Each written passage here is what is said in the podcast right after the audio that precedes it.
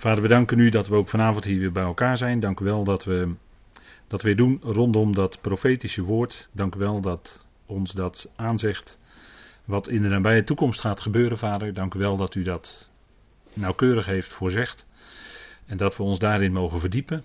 Dank u wel dat we mogen uitzien naar de terugkeer van uw zoon. Voor ons als gemeente, eigenlijk voor de wereld in het geheim. Maar daarna zal hij zijn voeten zetten op de Olijfberg. Vader, en zal de wereld verlost gaan worden. We danken u dat dit boek Openbaring spreekt over uw zoon als de grote profeet, priester en koning. De koning van de koningen en de heer van de heren zal hij blijken te zijn, vader, dat is nog een kwestie van tijd. Dat de dan levende mensheid dat gaat erkennen.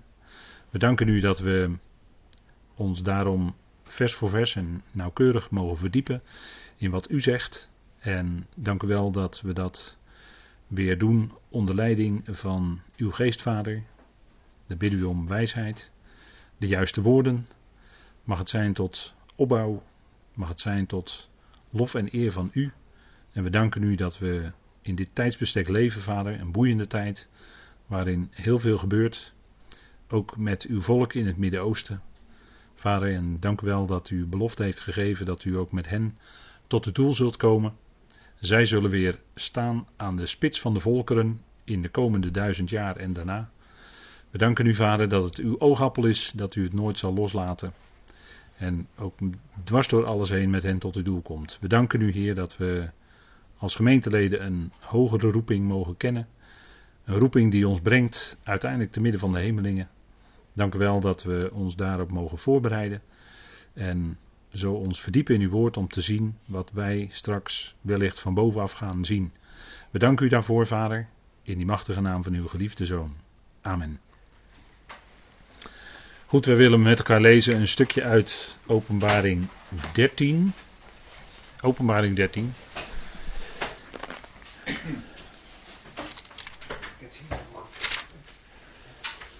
En dat doen wij vanaf vers 11. En dat gaat dan over het tweede beest. Wat in Openbaring 13 naar voren komt. En er staat: En ik zag een ander beest opkomen uit de aarde. En het had twee horens als van het lam, maar het sprak als de draak. En het oefent al de macht van het eerste beest voor zijn ogen uit, en het maakt dat de aarde en zij die er wonen, het eerste beest aanbidden, waarvan de dodelijke wond genezen was. En het doet grote tekenen, zodat het zelfs vuur uit de hemel laat neerkomen op de aarde voor de ogen van de mensen. En het misleidt hen die op de aarde wonen door middel van de tekenen die het gegeven zijn te doen voor de ogen van het beest. En het zegt tegen hen die op de aarde wonen dat zij een beeld moeten maken voor het beest dat de wond van het zwaard had en levend werd. En hem werd gegeven om een geest te geven aan het beeld van het beest, opdat het beeld van het beest zelf zou spreken en zou maken dat allen die het beeld van het beest niet zouden aanbidden, gedood zouden worden. En het maakt dat men aan allen, kleinen en groten, rijken en armen, vrijen en slaven, een merkteken geeft op hun rechterhand of op hun voorhoofd. En dat niemand kan kopen of verkopen, behalve hij die dat merkteken heeft, of de naam van het beest of het getal van zijn naam. Hier is de wijsheid. Wie verstand heeft, laat hij het getal van het beest berekenen, want het is het getal van een mens en zijn getal is 666. Tot zover. De vorige keer zijn we ook bezig geweest in dit hoofdstuk. En we hebben met elkaar gezien dat er een beeld gemaakt eh, zou moeten worden, zal worden voor het beest. Namelijk dat de wond van het zwaard had en levend werd. En dat is eigenlijk een beschrijving van een vorm van opstanding, zou je kunnen zeggen. Waarin de tegenstander eigenlijk doet wat hij meestal doet. Dat is naapen, nadoen, maar dan is dat natuurlijk altijd veel beperkter dan wat God zelf doet. Namelijk dat die ene kop of dat ene hoofd uit dat eerste beest, dat was ten dode gewond en dat werd weer levend. Dat staat in Openbaring 13, vers 3. Daar staat: Ik zag een van zijn koppen als dodelijk gewond of geslacht, Maar zijn dodelijke wond werd genezen. En de hele aarde ging het beest met, zijn, ging het beest met verwondering achterna. Zoiets, als een dodelijke wond genezen wordt, met andere woorden een vorm van opstanding uit de doden. Als dat gebeurt, dan gaat de hele aarde met verwondering daar achteraan. en zo op die manier wordt de mensheid misleid en in de richting gezet van de draak. want het moet leiden natuurlijk tot aanbidding van de draak, want dat staat in vers 4. En zij aanbaden de draak. En daar gingen de tegenstander natuurlijk om, dat hij zelf die aanbidding van die mensheid krijgt. Daar is het natuurlijk altijd om te doen geweest. Niet in de eerste plaats de vernietiging van de mensheid, hoewel hij wel het geweld van de dood heeft, maar waar het uiteindelijk toch om gaat bij die tegenstander, en dat is natuurlijk ook in onze tijd volop aan de gang, is dat hij zelf de aanbidding van de mensheid wil hebben. De aanbidding die eigenlijk aan Christus en God toekomt. We zouden alleen onze knieën buigen voor Christus en zijn God en Vader. En nergens anders voor. En dat was natuurlijk ook al de misleiding of de verleiding, hoe wil u het zeggen, in de woestijn, waarbij de tegenstander aan de Heer alle koninkrijken van de aarde liet zien en zei val voor mij op je knieën. Met andere woorden, aanbid mij en je krijgt al die koninkrijken wat ik jou net heb laten zien. Jij krijgt al die koninkrijken, krijg jij in je schoot geworpen. Maar dan moet je wel eerst een knieval maken voor de Satan, voor de tegenstander. En de Heer, zoals u weet, pareerde met er staat geschreven. En dat is een goede voor ons ook. Want wij hebben in onze wapenrusting ook dat korte zwaard van verdediging. Namelijk, dat is Gods uitspraak, zegt Efeze 6. Hè. Dat is een geestelijke wapenrusting, de wapenrusting van God, dus per definitie geestelijk. En die belangrijke verdedigingsmiddelen die wij hebben daarin, daarvan is een van de belangrijkste dat kortzwaard, die uitspraken van God, waarmee wij dus de aanvallen van de tegenwerker kunnen pareren, want die aanvallen komen gegarandeerd. Als je Gods woord volgt, als je het woord volgt, kom je gegarandeerd onder vuur te staan. Vurige pijlen. En die kun je doven met het langschild van het geloof.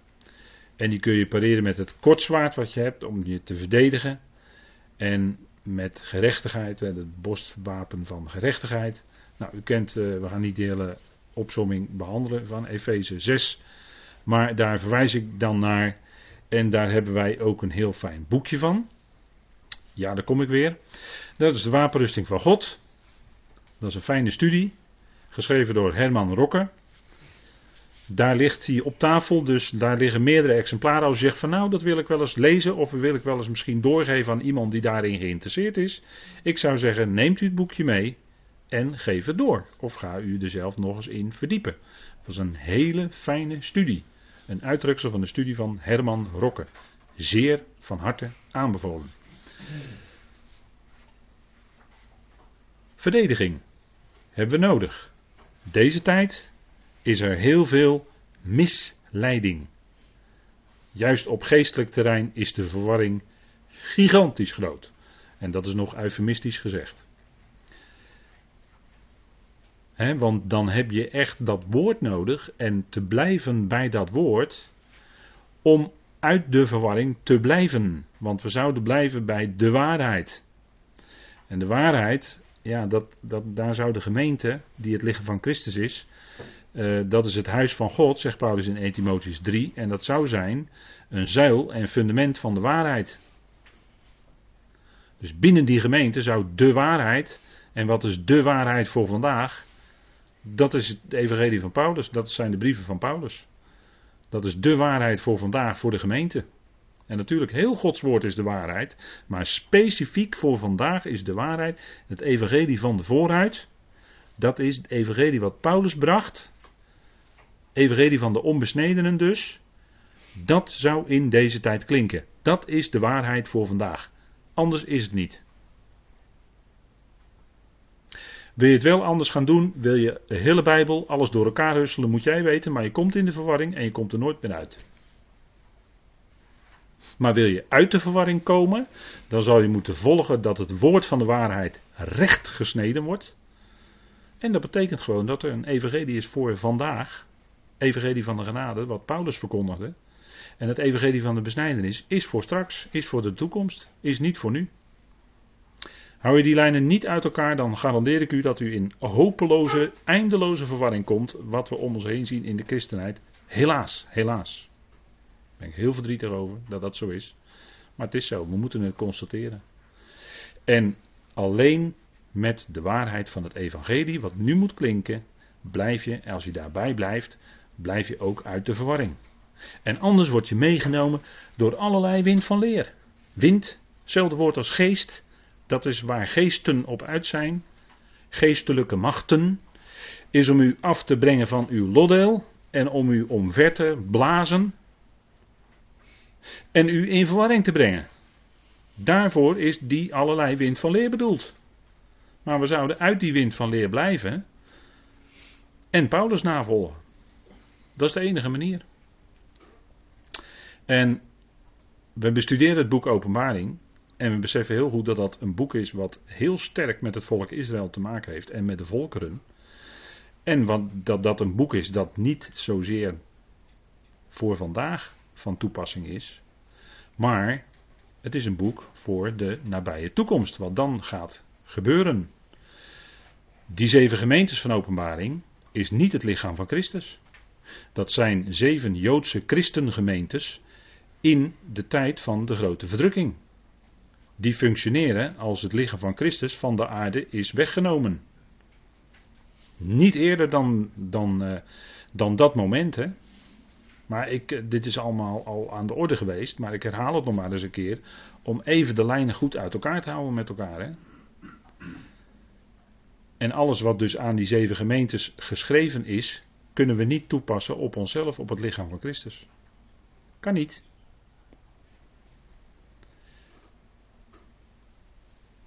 Dus het boek Openbaring, zeggen we altijd, is een boek dat specifiek geschreven is met het oog op de eindtijd. En de eindtijd is als wij weggerukt zijn van deze aarde in grote snelheid. Onttrekt zich aan het oog van de wereld. En men zal alleen een aantal mensen missen, maar er zal een verklaring voor gegeven worden, daar ben ik van overtuigd. En zo zal men weer na misschien enige opwinding maar weer heel snel overgaan tot de bekende orde van de dag. Business as usual, weet u wel. Wat er ook gebeurt, maar de business gaat door. alles draait daarom natuurlijk. Alles gaat gewoon door. Maar dat beest, dat had een dodelijke wond. een van die koppen was ten dode gewond, staat er.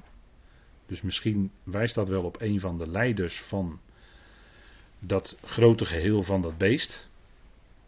Die was ten dode gewond en die wordt dan weer tot leven gewekt. En kijk, we hebben vandaag aan de dag technieken. Uh, dat heb ik, eh, een hologramtechniek heb je misschien wel eens van gehoord. Daar kan één spreker, die kan op meerdere plaatsen tegelijk zijn. Uh, dat kan natuurlijk niet, maar via hologramtechniek kan het wel. En degene die dat heeft uh, in Nederland heeft gedaan onlangs is de lijsttrekker van de Socialistische Partij. Dat is de dochter van Jan Marijnissen.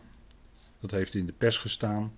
Die heeft op vijf plaatsen tegelijk op dezelfde avond een toespraak gehouden. En op iedere plaats iets anders toegesneden op die situatie. En dan was het alsof zij op het podium stond voor de zaal. Zo was het er niet, echt, maar dat was door hologramtechniek.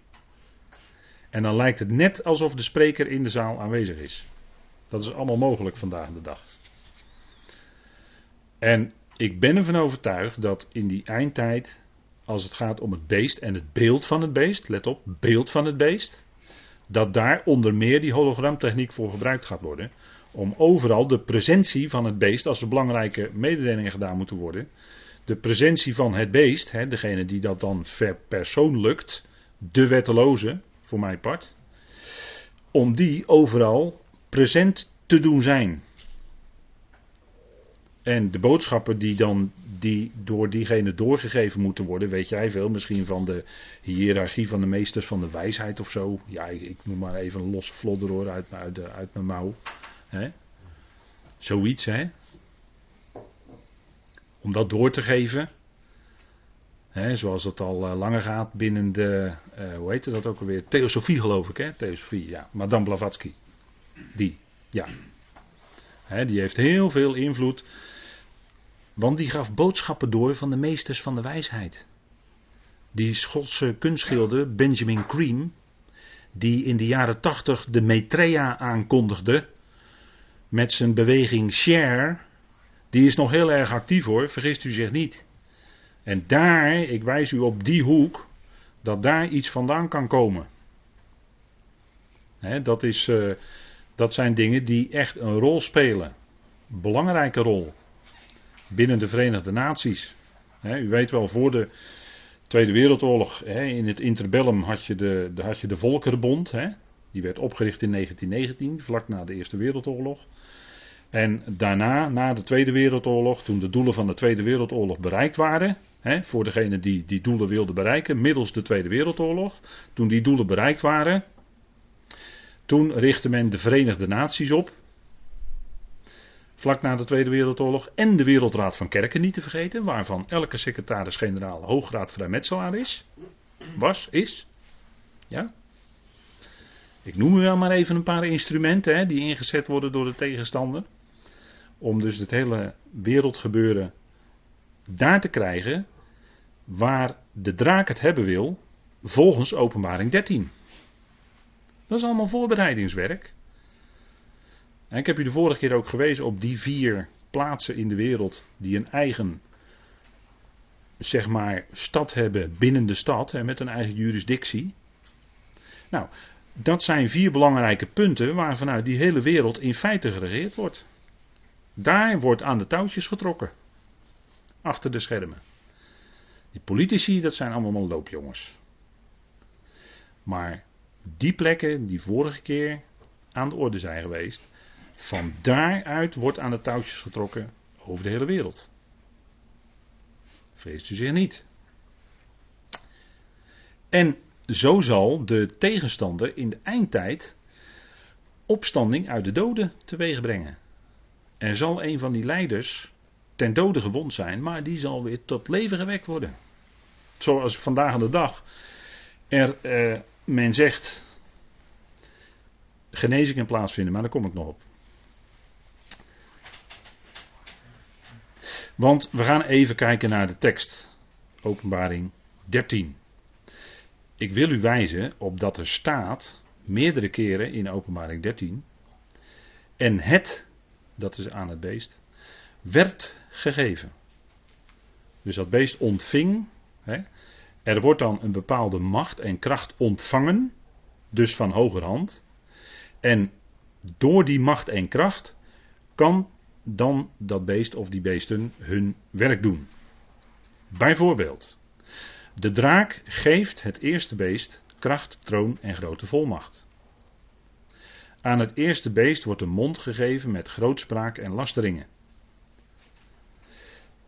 Het werd gegeven volmacht om te doen wat het wil 42 maanden lang. dat is die tijd van grote verdrukking. 42 maanden is tijd, tijden en een halve tijd. Is 1260 dagen dat is allemaal hetzelfde.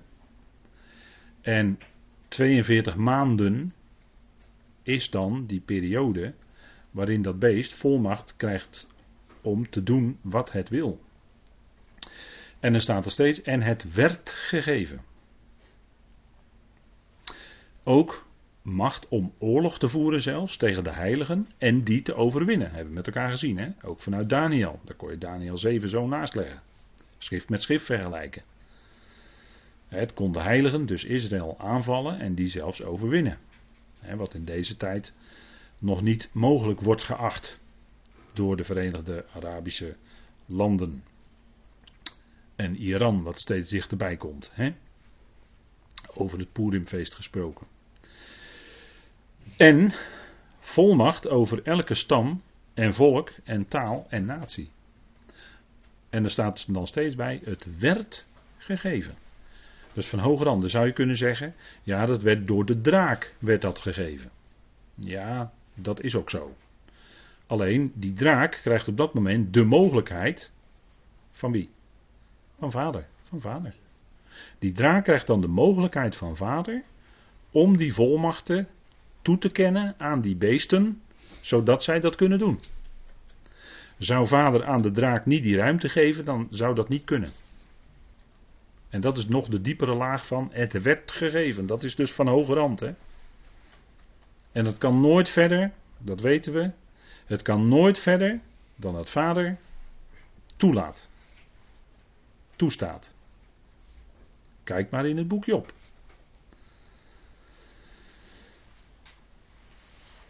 Dus zo zal het ook zijn in de eindtijd. Want het zal moeten komen tot die culminering van het kwaad.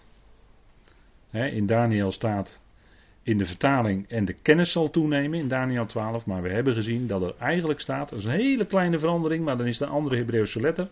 dan is het niet een dalet, maar een resh. Weet je wel, dat, dat, dat hoekje is er dan niet aan, maar het is eigenlijk een rondje. Rechtsbovenaan. Dan is het een resh. En dan betekent het, dan is het ro, resh ayin. En dan is het het kwaad.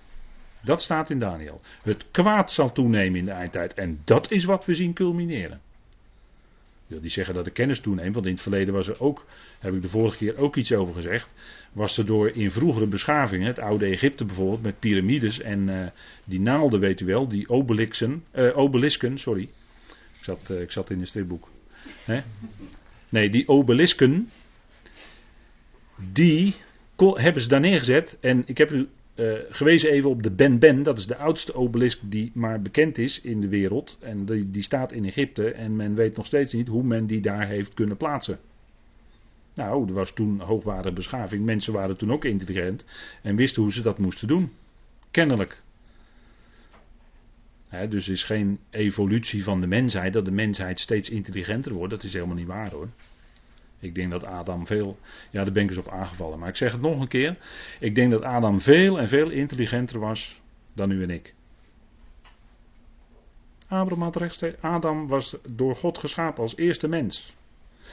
Adam was door God geschapen en had rechtstreeks contact met God. Wat omgang met God. Wat denkt u ervan? Zou dat dan een primitieve mens zijn die niet kon schrijven enzovoort? En wat langzaam moest evolueren en de mens is langzamerhand gaan schrijven en heeft pas alle Bijbelboeken geschreven ten tijde van de Babylonische ballingschap? Kwatsch. Dat is echt onzin hoor. Dus aantoonbaar onjuist. En dat, uh, nou ja, dat leren ze dan theologische opleiding of zo, weet ik veel joh. Dat is gewoon aantoonbaar onjuist. Maar die oude beschavingen, die, die hadden dus, dat waren dus Hoog intelligente mensen waren erbij. En we weten daar niet alles van, omdat grote bibliotheken in de, tijd, in de loop van de tijd verwoest zijn geworden. Ik heb u de vorige keer gemeld, Alexandrië onder andere. Grote bibliotheek met veel boeken, met veel wijsheid, is door brand verwoest. Daardoor is die kennis verloren gegaan. Moest zo zijn, moest natuurlijk zo zijn. Natuurlijk. Maar dat neemt niet weg dat we dus niet in de mensheid evolueren van primitief naar heel wijs. Het is eerder, zoals Peter Schelen in zijn boek terecht opmerkt, degeneratie. Van harte aanbevolen, moet u maar eens lezen. Peter Schelen, Degeneratie. Is al een oud boek. 20 jaar geleden of zo geschreven, 25 jaar geleden. Maar is wel waar hoor. Het evolueert niet, het degenereert. Dat is aan de hand. Alles wat nieuw wordt opgezet, dat komt op de lange duur gewoon tot verval. Zo gaat het. Dat is de schepping. We leven in de oude schepping. Die is aan het verderf, aan het bederf, aan het verderf onderheven. Alles wordt niet vanzelf beter, alles wordt vanzelf minder. Dat is het verhaal. en nou, kijk, het werd gegeven. en zo hier, um, over opstanding uit de doden gesproken en over een beest, over een beeld. Hè. Er wordt dan een geest aangegeven, openbaring 13. Daar zitten we middenin. En er staat in een van die teksten met het werd gegeven, en dat is zo'n beetje de tekst waar we aan toe zijn. En het werd gegeven om een geest te geven aan het beeld van het beest. Ja, dus dat beest kon geest geven aan het beeld van een beest, notabene. Dat is iets bijzonders, want normaal gesproken kan dat niet zomaar. Normaal gesproken kan alleen God leven uit de doden geven en een geest toedelen aan. Even afgezien dat er demonen zijn, en demonen, dat weet u, die willen altijd ergens in gaan zitten. Die zoeken een behuizing. Die gaan in voorwerpen, dieren of mensen zitten.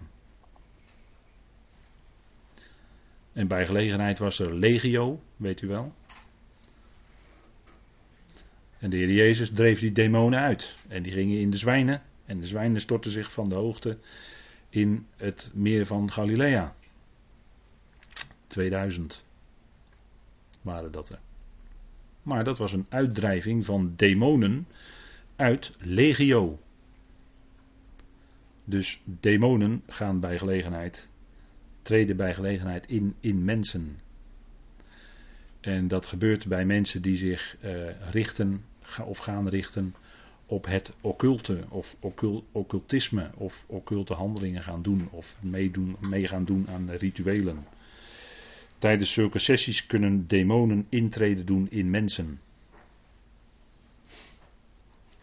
En dat was in de tijd van de Heer Jezus was dat ook heel bekend. Dat demonen in mensen woonden. En de Heer dreef ze uit met zijn woord.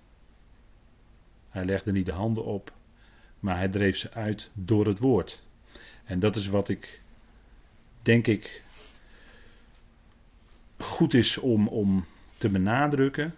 Hè, dat ook in deze tijd, waarin er bedieningen zijn, uitdrijvingsbedieningen, dat er dan allerlei dingen met mensen worden uitgehaald om dan verkeerde machten of geesten uit te drijven. Ik geloof dat andere geest, een goede geest, daarmee bedoel ik natuurlijk Heilige Geest, in de gelovige komt wonen op het moment dat hij tot geloof komt. En dat is een werk wat God doet.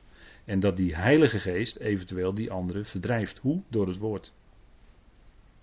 Ik geloof in de kracht, enorme kracht van het woord van het Evangelie. Dat het ook verkeerde zaken uit mensen kan wegdoen, verdrijven. En natuurlijk, daar zal gebed van de betrokkenen bij plaatsvinden enzovoort enzovoort. Maar goed, ga ik verder nu niet te diep op in. Maar ik geloof dat daarin, in de kracht van het woord, kracht van het woord van God, dat dat verkeerde geest verdrijft. En ook weghoudt. Als je eenmaal verzegeld bent met de geest, met de heilige geest van de belofte. Als je daarmee verzegeld bent, dan ben je mee verzegeld. Dat is een zekerheidsstelling. Dan ben je van God en niet van een ander. En zo tot, aan de dag van, tot in de dag van de vrijkoping. Ben je verzegeld. Dus dat is garantstelling. Zekerheid. Geest, hè, want we praten nu over geest. Om een geest te geven aan het beeld van het beest. En in de oudheid had je het orakel van Delphi, zo werd dat genoemd. Hè? Dat was dan in de Apollon-tempel. Daar stegen dan uh, zoetige dampen en zo stegen daarop. En daar werd dan iemand uh, ingezet als een, uh, een priesteres, hè, die heette Pythia geloof ik. En die, daar werden dan vragen aan gesteld en die orakelde dan, hè, dat kennen wij nog wel in ons spraakgebruik, die orakelde dan wat diegene die die vraag stelde moest gaan doen. Maar dat waren altijd toch een beetje antwoorden die voor twee of meerdere uitleg vatbaar waren. Dus ja, daar kon je zelf zeg maar, hè, dat, daar kon je zelf zeg maar je, de kant op gaan die jij wilde, of meende dat dat bedoeld werd. Um, maar in ieder geval was daar een orakel en men veronderstelt mogelijk dat daar ook uh, een andere geest, geesten misschien wel achter zaten. Maar die werd, dat orakel werd dan geraadpleegd daar in de oudheid. En u ziet hier op deze dia een plaatje daarvan. Van die Apollon-tempel die er toen was. Hè, genoemd naar de Griekse god Apollo. Waar ook rakettenprojecten, rakettenprojecten hè, geloof ik. Ja, Apollo, ja. Naar de maan? Ja, zoiets hè, geloof ik. Ja. Mens op de maan? Ik zet er wel een vraagtekentje achter. Mens op de maan? Volgens Apollo wel, maar ja. Ik weet niet. Apollo. Griekse god, hè? Griekse god, ja. Nou goed. Geest, een geest geven aan, dat is normaal gesproken iets dat God doet. En hier is dus bijzonder, en daarna wordt ook vermeld in de schrift, het werd gegeven om een geest te geven aan het beeld van het beest. En het moest, dat had natuurlijk een functie binnen dat plannetje, om dus die aanbidding op te eisen van heel die mensheid. Kijk. Een ander wild dier. Hè, werd gegeven. Een ander wild dier. We gaan even, even dat werd gegeven toch even met elkaar even nog op inzoomen. Omdat het belangrijk is. Het werd gegeven en dat andere wilde dier, dat had in vers, openbaring 13 vers 11, dat had twee horens als van een lam. Dus het leek net een Messias. Maar het sprak als de draak. Je moet altijd letten op de woorden die gesproken worden en de betekenis. iemand kan tekenen en wonderen doen, maar let op de woorden die iemand spreekt. Zijn dat Gods woorden? Vaak niet hoor. Vaak is het zo als er diensten zijn met tekenen en wonderen, dan blijft de Bijbel dicht. En dan gaat het dus om tekenen en wonderen en daar dus de mensen mee meekrijgen. Je moet altijd letten op wat iemand zegt. Is het volgens Gods woord? Toetsen wat gesproken wordt. Toetsen aan de schrift. Wees een bereer. U moet niet geloven wat ik zeg, u moet geloven wat Gods woord zegt. Dat is wat we zouden doen. Kijk, en hier sprak het als de draak. U weet wel, de spreekwoordelijke gespleten tong. Oftewel dubbele bodem. Is het waar wat er gezegd wordt? Dat weten we niet. En in deze tijd, politici, is het waar wat gezegd wordt, Zijlstra? Nou, ik weet het niet. Ik weet het niet. Soms blijkt achteraf dat ja, dat toch niet helemaal waar was. En zelfs niet wat, als het gaat om de Rabobank bijvoorbeeld, sorry dat ik die naam noem, maar in het Openbaar Ministerie wordt zelfs, daar wordt zelfs nog in gesjoemeld. Hè? Las ik vandaag. Openbaar Ministerie zelfs. Dus waar kunnen we dan nog van op aan als er berichten in de pers komen? Klopt het? Zijn het complete berichten? Staat alles erin? Nou, vaak niet. Vaak worden essentiële dingen weggelaten. Blijkt keer op keer, hè? dat heeft niks te maken met wilde complottheorieën. Maar dat blijkt gewoon keer op keer achteraf. En het komt allemaal in de openbaarheid op een gegeven moment. Ik noem namen. Nou, u weet dat het dat is heel, zeer recent. Is dat allemaal gewoon in de media? Is dat allemaal aan de orde? In die tijd leven waarin, wat we wel eens tegen elkaar zeggen, de leugen regeert. Want het blijkt achteraf steeds.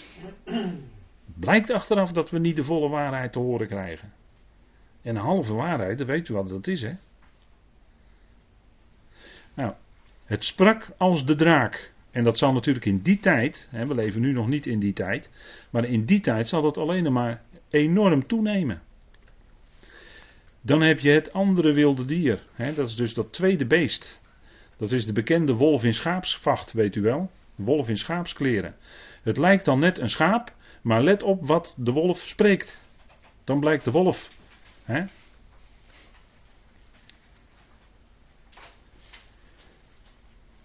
En, en als ik zo'n plaatje zie, dan moet ik altijd denken aan Paulus die sprak met de oudste uit Efeze in Mileten.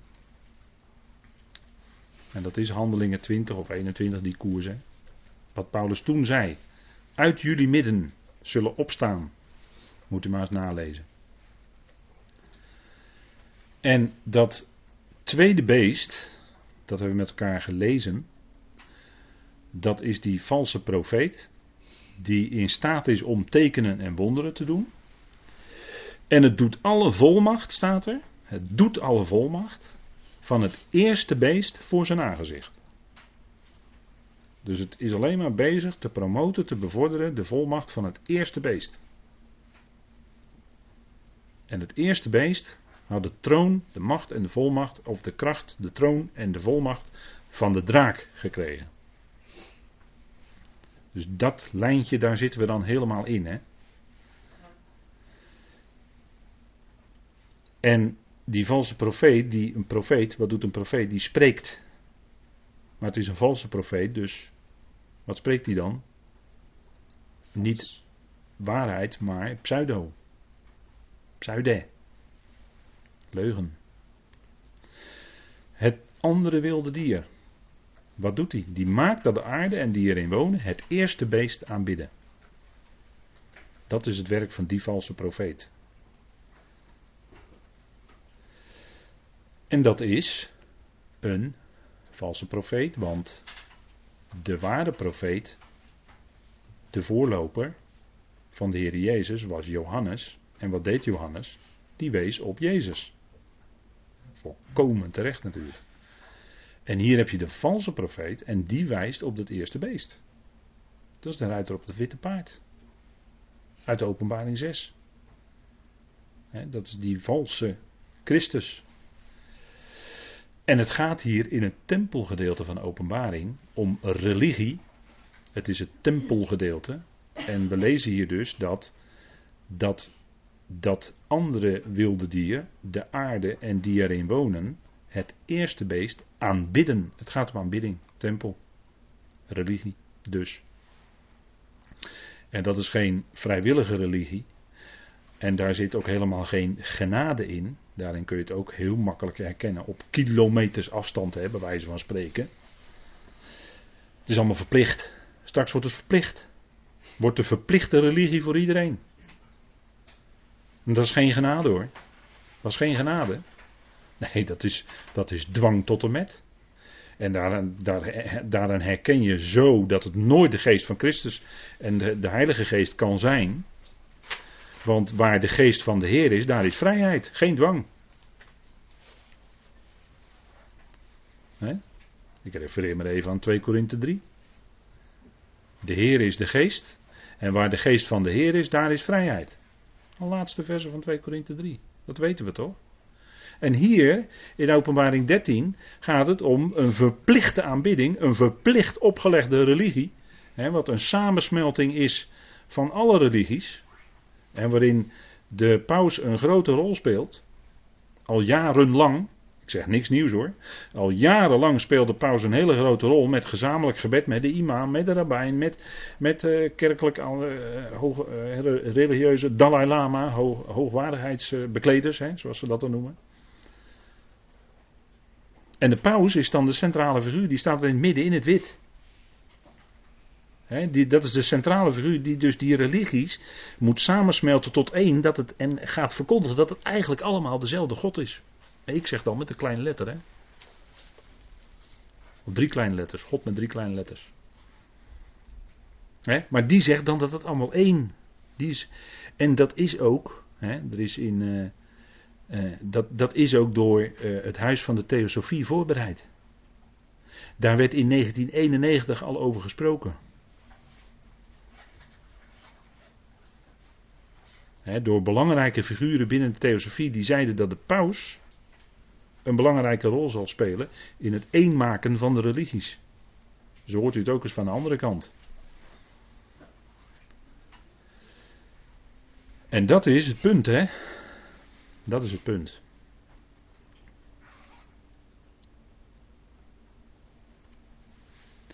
Het andere wilde dier, wat doet hij? Die doet grote tekenen. Vuur uit de hemel. Net als Elia. Alleen niet tot eer van God. Maar in dit geval tot eer van de Baal. Uh, ja, Baal, nou ja. Ja, maakt niet zoveel verschil eigenlijk. De Baal en uh, waar dat dan in openbaring 13 om gaat. Hij speelt wel een rol. Tekenen en wonderen. Daar zijn mensen mee mee te slepen. Met de natte vinger neem je ze zo mee. Als jij doet de volgende dingen. Bovennatuurlijke manifestaties. Is niet controleerbaar, hè? Is niet controleerbaar. Bovennatuurlijk, want het is bovennatuurlijk. Je kan het niet checken. Genezingen. En uh, deze dagen kwam in de christelijke pers dat is de website CIP. CIP stond het in. Dat was eh, de grote gebeurtenis van de opwekkingsconferentie 2014. Was de genezing van een eh, Simon. Die had spierdystrofie. En die werd voor genezen verklaard. En die heeft inderdaad een aantal jaren geen pijn gevoeld. Maar die heeft sinds 2017 wel weer pijn. En ik vind dat heel triest. En de spierdystrofie is niet weg die is nooit weg geweest. Kijk, lichamelijke genezingen die geclaimd worden, daar zouden toch heel sceptisch naar moeten kijken. Sorry dat ik het zo moet zeggen. Maar keer op keer keer op keer komen zulke dingen naar voren dat genezing geclaimd wordt in genezingsdiensten met oprechte mensen en achteraf blijkt dat er geen genezing heeft plaatsgevonden. En dat blijkt keer op keer. En ik zeg dat echt met groot verdriet. Het is niet controleerbaar. En wat u van profetie? Je kan je zo opgeven voor een weekend. Ik, ik, zeg het maar bij. Je kan je zo opgeven voor een weekend binnenkort in Hendrikje de Ambacht. Kan je profetie leren. Ja? Dat staat allemaal in de pers. Ik krijg dat allemaal in mijn mailbox. Kan je voor opgeven, kan je profetie leren. Ja. Maar wat wij nu doen vanavond, dat is profetie leren. Dat is profetisch woord bestuderen. En dat is tastbaar, dat is, staat in Gods woord, kunt u checken. Maar profetie die dan uitgesproken wordt in samenkomsten, zo spreekt de Heer, dubbele punt. En er wordt dan een profetie uitgesproken over zuster Y of broeder X. Dat blijkt ook nog wel eens in de praktijk manipulatief te zijn. Sorry dat ik het woord moet gebruiken, maar dit is ook in de praktijk allemaal al aangetoond. Hè? Ik zeg niks nieuws. Vraagt u het maar na. Er is onlangs door ene Johan Lok is daar nog een boek over geschreven. En dat gaat over ene Adriaan. Is ook uitgebreid in de christelijke pers geweest. Johan Lok. Kwam uit de gemeente hier in Rotterdam. Hele bekende gemeente toen. Ik zal de naam maar niet noemen van die gemeente, maar als u het boek kent qua titel, dan weet u ook gelijk welke gemeente dat was. Was, want het is dus later helemaal uit elkaar gevallen. Helaas. Omdat het, helaas zeg ik, omdat het bij heel veel mensen dan schade aanricht. En die blijven de rest van hun leven met de brokstukken zitten. En de pastorale problemen. Begrijpt u? Dus ik zeg dat ook weer met verdriet. Want het trekt pastorale problemen, sporen in mensenlevens dan hoor. Dat zijn de gevolgen. Nee, maar dat gebeurt in gemeentes. En overal waar mensen zijn, daar is het moeilijk. Hè? Maar je hebt ook spreken in talen, hè? spreken in tongen. En, en, dat zal dan in de eindtijd ook die dingen zijn. Hè? Want spreken in tongen komt ook gewoon voor, laat ik het maar even neutraal zeggen. Spreken in tongen komt ook voor in niet-christelijke godsdiensten. Dat heb ik nog even heel zacht gezegd. En straks zal dat allemaal via internet en via tv ook te volgen zijn. Nu kunnen al iedereen, heel Afrika heeft al een smartphone, refurbished of niet. Maar je hebt dan wel internet en je kunt volgen op je schermpje. Ja, in die tijd leven we. dat je ook met je smartphone kun je gewoon betalen in de supermarkt. Je hebt geen plastic kaartje meer nodig hoor. En het gaat nog verder natuurlijk, die techniek. Komen we nog op. Het andere wilde die misleidt. Let op het woord misleiding. Hè? Misleid. Dat is het Griekse woord planao. En dat betekent dwalen. En dwalen doe je, dan ga je van plek naar plek zonder, weet, zonder dat je ooit op je bestemming komt. Ja, je vindt geen thuis. Je dwaalt. En dat is wat ook de tegenwerker op uit is. En dat wil hij ook de gelovigen doen in deze tijd door allerlei wind van leer. Dan ga je dwalen. Dan raak je op drift. Het misleidt. En ik heb u op deze dia een serie teksten gegeven. Waarin de Heer Jezus dat ook zegt over de valse profeten. Die waar het mogelijk is zelfs de uitverkorenen zouden misleiden. Weet u wel, hè, Matthäus 24, bekende uitspraak. en en ik, we zullen één tekst erbij pakken, dat is Lucas 21, vers 8.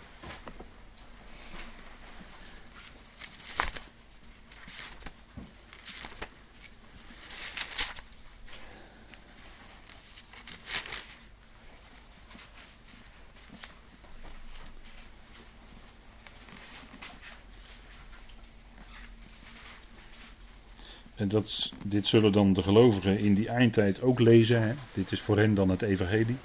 Het evangelie van de besnijdenis. Dus degenen die dan geloven in die tijd zullen dit heel hard nodig hebben.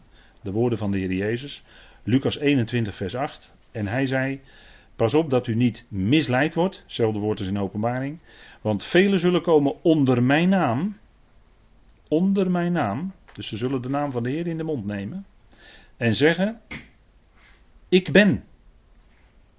Zij zullen zeggen, ik ben. Oftewel, ik ben het. Je moet mij navolgen. En ze zullen ook zeggen, de tijd is nabijgekomen. En dan zegt de Heer, ga hen dan niet achterna. Ga hen dan niet achterna. En ook dan zullen ze, degene die ze dan horen of meemaken, zullen ze toetsen, moeten toetsen aan de schrift. En zeker in die tijd zal dat keihard nodig zijn. En dan zullen de, degenen die dan leraren zijn, zullen dan de gelovigen goed bij de les moeten houden. Want dan zal de misleiding ongelooflijk zijn. Zoveel overal, hè, zoals het nu al is, maar dan nog een paar graadjes meer. De heer Jezus zegt, ga hen dan niet achterna. en eh, er zullen velen aandienen die zeggen van ik ben de ware profeet of ik ben de ware Christus of wat dan ook. Nou, daar hebben we natuurlijk al in de loop van de tijd al heel wat van gehad. Hè. In Nederland hebben we, ik, noem maar wat, uh, Laude Palingboeren hebben we een keer gehad, hè, geloof ik. Laude Palingboeren? Ja, ja, er wordt gereageerd, dus u kent dat nog wel. Hè. Dat is nu niet zo heel lang geleden. Nou, dat was er ook eentje. Dat was er ook eentje. Hè? Maar daar gingen de mensen ook achterna. Als was hij een profeet. Hè? Nee, zo kennen nog wel meer namen. Ja, nou ook eenmaal die nou gaan de namen door mijn hoofd, maar laat ik die namen maar niet allemaal noemen. Maar dat was er eentje van die, die heel bekend is geworden. Maar zo heb je steeds, hè, van dat mensen, en dat, dat, is, des mensen eigen, dat ze graag een ander mens achterna willen lopen. Maar dat is helemaal niet zo van belang. Gods woord. Gods woord bestuderen, checken wat geschreven staat, checken wat degene uh, zegt, aan Gods woord zelf, en geloof dat woord. Volg dan Christus na. Volg zijn woord na.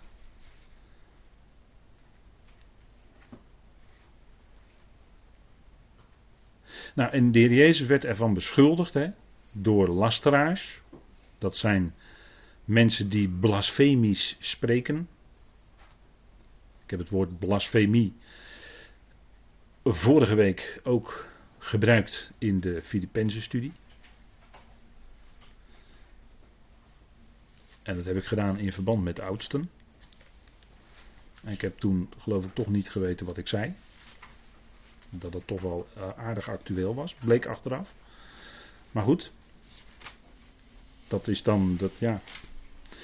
Dat weet je dan ook niet. maar we zouden een klacht tegen een oudste niet snel aannemen. Tenzij er twee of drie getuigen zijn. En dan nog, dan nog. Als het om een oudste gaat, zou je heel, heel zorgvuldig en heel voorzichtig moeten zijn. Denk erom. dat is wat Paulus voor waarschuwt in 1 Timotheus 5. Schrijf niet voor niks op die manier aan Timotheus. maar die dingen zouden we ook goed in acht nemen. Nou, de heiligen van Israël worden gewaarschuwd. In 1 Johannes, moet u maar eens nalezen, al die teksten. En in de eindtijd, openbaring, nou dat zijn zo zes teksten, zeven tekstplaatsen, waarin het woord misleiding wordt gebruikt. Dat is dus een van de hoofdwoorden van de eindtijd. En dat is ook niet zo gek natuurlijk, want die hele mensheid, die moet ook tot aanbinding komen van de draak. Dus dan moet het hele zaakje eerst misleid worden. En dan gaan ze natuurlijk de draak aanbidden.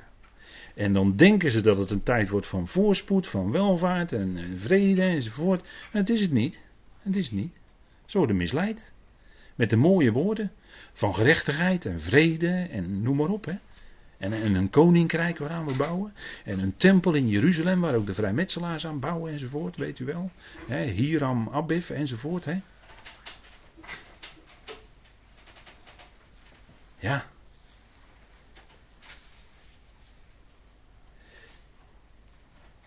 En dat zal ook zo zijn. Hè? Daar zal ook een tempel zijn. Want die wetteloze zal zich in de tempel van God zetten. En aan zich laten zien dat hij een God is met kleine letters. En die zal dan die aanbidding natuurlijk opeisen. Nou, wat doet het andere wilde die nog meer? Zegt dat zij die op de aarde wonen. een beeld moeten maken van het eerste. En er was de hele geschiedenis van Daniel met Nebukadnezar, was daar al een type van. Was er al een profetische heenwijzing van. Want daar gebeurde bij Daniel in Babel, let op, Babel, wat ook weer zo'n belangrijk woord is in openbaring.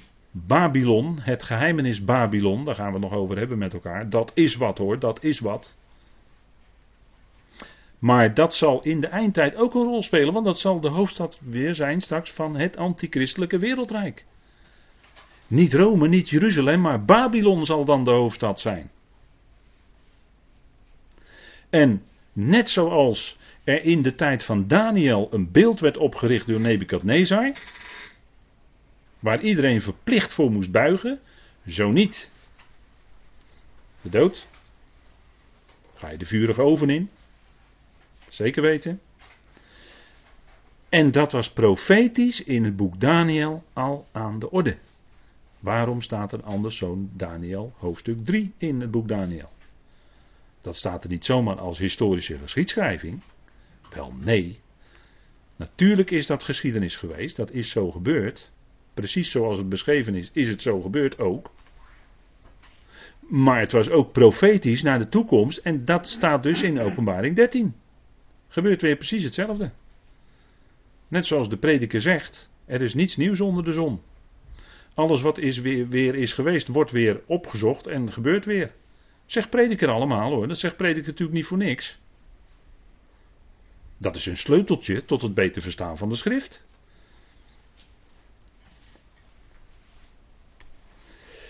Het andere wilde dier geeft een geest aan het beeld van het beest. En wat gebeurt er dan? Dat, dat beeld gaat spreken. Groot wonder. Een beeld dat gaat spreken. En dat zal zo'n groot wonder zijn dat iedereen verwonderd zich afvragen: wat is hier toch aan de hand? Je hoeft maar één cameraatje erop te richten en via internet kan heel de wereld het zien en horen. Zo makkelijk is die techniek. Zo ver is die techniek geworden en nog verder dan dat. En ja, dat beeld, ja, goed. Ik heb hier, dit is geloof ik, wat is dit? Boeddha, hè? Boeddha? Ja, nou, ja, goed, dat is dan geen Boeddha, maar dat is natuurlijk een van die spaken in dat ene wiel. Hè, want al die spaken die, die wijzen allemaal naar, de, hetzelfde midden, dat is allemaal dezelfde God. Hè, of het Boeddha is, of Vishnu, of, of uh, Mohammed, het maakt allemaal niet uit. Het is allemaal dezelfde God, dat weet u toch. En zo wordt er gepraat, dus. Dat beest, is, dat, daar zit natuurlijk dan alles in.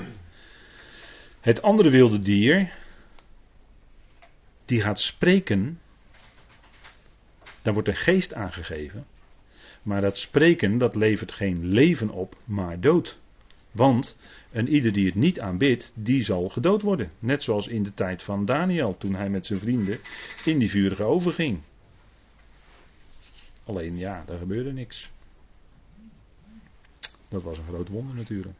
En dat was natuurlijk een type van hoe de gelovigen van Israël, de gelovige rest, straks door het vuur van de grote verdrukking heen bewaard worden door de Heer, of door de boodschappers van de Heer, net zoals die vrienden van Daniel in dat vuur bewaard werden door die ene boodschapper die ook in dat vuur was. Dat was een type van de vervolging van die de Joden straks zullen ondergaan in de grote verdrukking. Daarom staat die geschiedenis in Daniel. Het zijn typen, het zijn beelden, profetisch. En het is een groot wonder, want het beest had de wond van het zwaard en werd levend. En zo gaat die hele wereld erachteraan. Hè? Opstanding uit de doden. En het was voor de Joden bij de Heer Jezus aanleiding, toen hij zijn vriend Lazarus uit de doden had opgewekt. Ja, toen kon de Heer Jezus eigenlijk niet blijven leven. Toen werd er overwogen dat hij toch maar gedood moest worden. Want nu werd hij te populair en raakten zij hun populariteit kwijt. Dus ja, dan moet je de leider, die rabbi die dat doet, die moet dan maar opgeofferd worden. Hè? Dat staat allemaal in uh, Johannes 11, hè? kunt u allemaal nalezen. Het werd volmacht gegeven om geest te geven aan het beeld, opdat het beeld van het beest zelfs zou spreken. En wat een verschil is dit met wat de Heer Jezus deed toen hij sprak. Gaf hij leven aan de jongeling van Nain.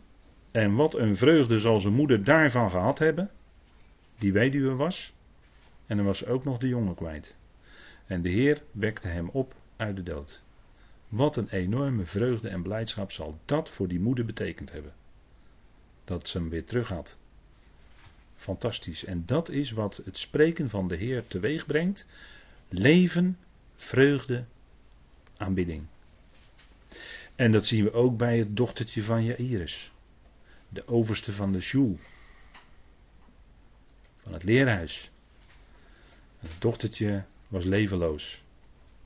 Maar de Heer bracht dat dochtertje tot leven. En dat zijn dingen, zou Paulus zeggen, waarin een diepere betekenis zit. In die geschiedenis zit natuurlijk een diepere betekenis. Niet alleen dat de geweldige wat de Heer deed, door dat dochtertje van Jairus, wat twaalf jaar oud was, weer uit de dood op te wekken. Maar het bracht natuurlijk in het huis van Jairus geweldige vreugde teweeg. Kijk, dat doet het spreken van de Heer. Dat doet het geest van de Heer. Die brengt dat teweeg. Leven, liefde en vreugde. En wat is dat een enorme tegenstelling met wat we hier zien in openbaring. Want als dat beeld van het beest gaat spreken, dan brengt dat geen leven en liefde teweeg, maar dood. Want het is onder de dreiging van de dood. Je moet aanbidden, anders word je gedood. Door het zwaard. Of door eventueel een vallend zwaard, hè? zo kun je het ook noemen. En natuurlijk bij Lazarus. Wat zal dat bij de vrouwen Martha en Maria een geweldige vreugde geweest zijn? Daar lezen we ook van. Hè?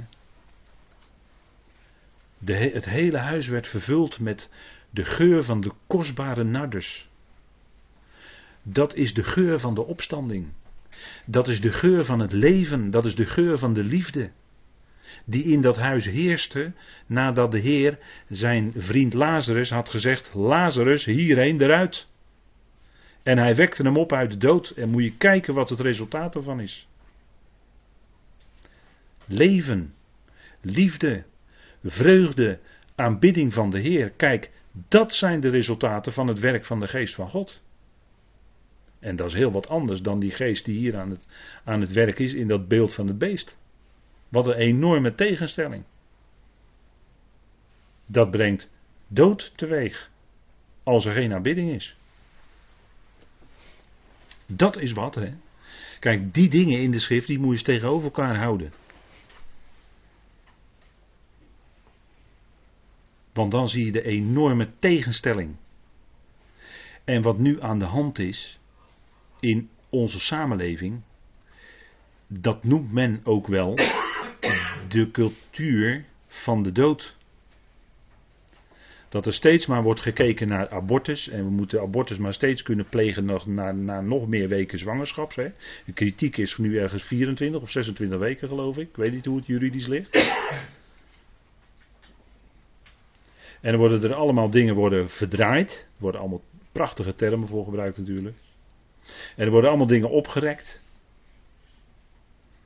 En, en dat is niet alleen aan het begin van het leven, want iemand die zei toen al, voor 1981, toen het eerste wetsontwerp van abortus, werd aangenomen, in 1981.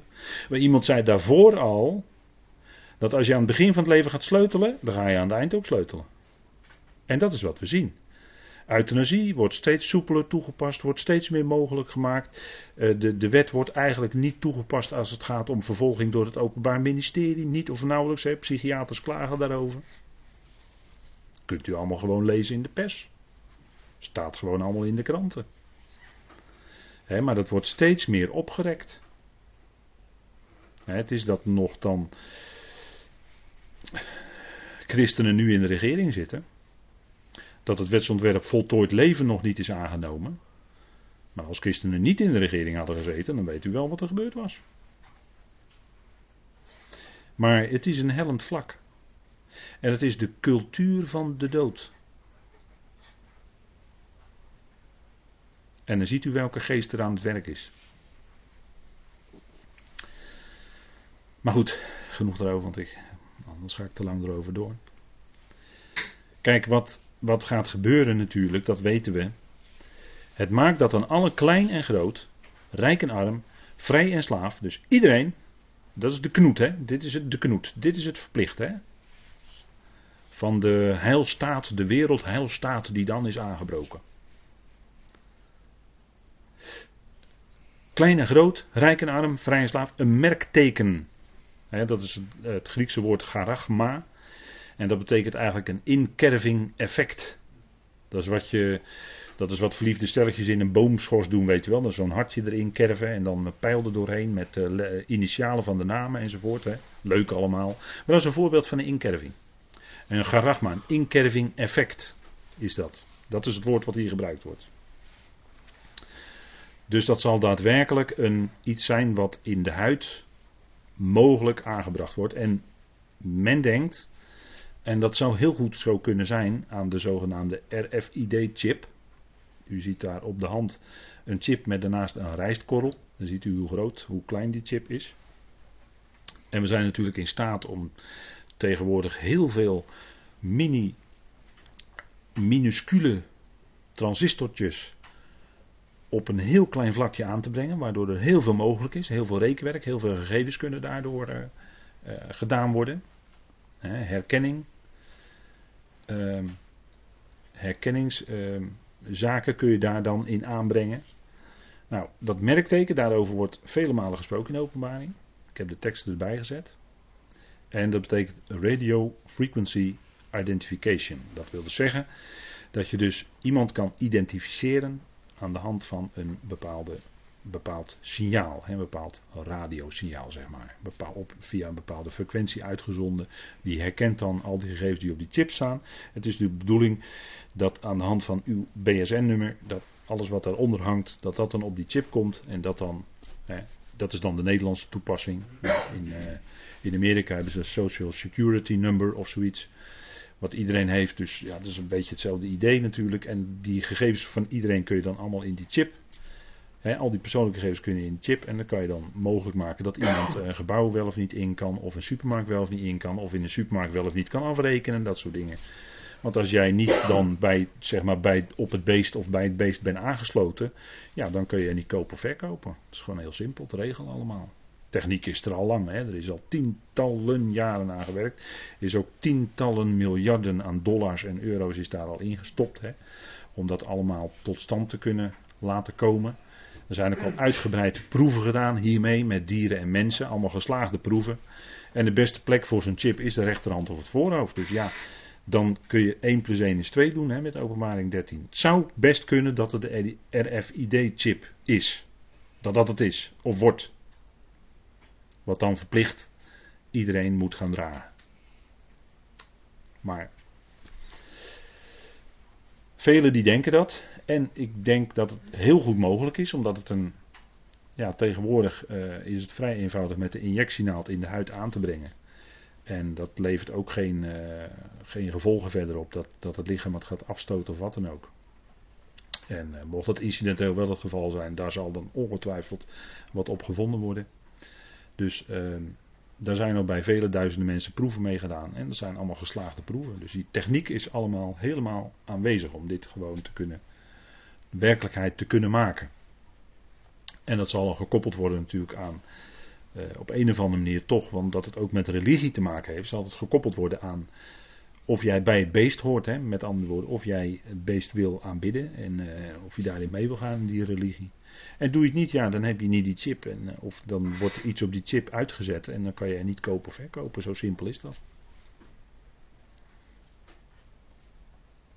En dan zul je in die tijd, als je in die tijd op aarde bent en dat meemaakt, dan zul je uh, ja, zelf, hoe noemen ze dat? Vechten moeten voor je leven elke dag. Knokken moeten voor je leven. Kijken of ergens nog een halve banaan in een afvalbak zit of zo. En die banaan gaan opeten, dat soort dingen. Ik stel dat me altijd dan maar heel plastisch voor. Hè. Stukkel voor lijf, dan word je zwerver op straat. Want je moet, je moet toch wat eten om in leven te blijven. Want je kan niet kopen of verkopen, dus in de supermarkt heb je niks. Zo gaat het dan natuurlijk. Hè. Nog een plaatje. RFID-chip, u ziet hoe klein, hier op een vinger gelegd, hè, u ziet hoe klein, zo minuscuul klein zo'n uh, zo'n onderdeeltje daarvan is. En er staat bij, het heeft al meer transistoren dan de processor die in, in 1985 in een IBM-computer zat. Dus dat moet u nagaan. Hè? Dat waren van die logge grote apparaten. En waarin uh, nog veel minder transistoren zaten dan nu op zo'n klein chipje. Dus die techniek is enorm snel doorgegaan. Ongelooflijk. Nou, dat is uh, de tijd waarin we leven. Dat is, uh, de techniek is al helemaal klaar daarvoor. En het heeft een lagere krachtverbruik dan het brein, het denken, de hersens van een honingbij staat erbij. Leuk hè? Dus zo weinig energie gebruikt zo'n chipje. Dat hebben ze allemaal uitgevogeld natuurlijk. Dus alles is klaar. Goed, we gaan maar even pauzeren. Dan kunnen we even met elkaar koffie drinken en misschien wat over napraten.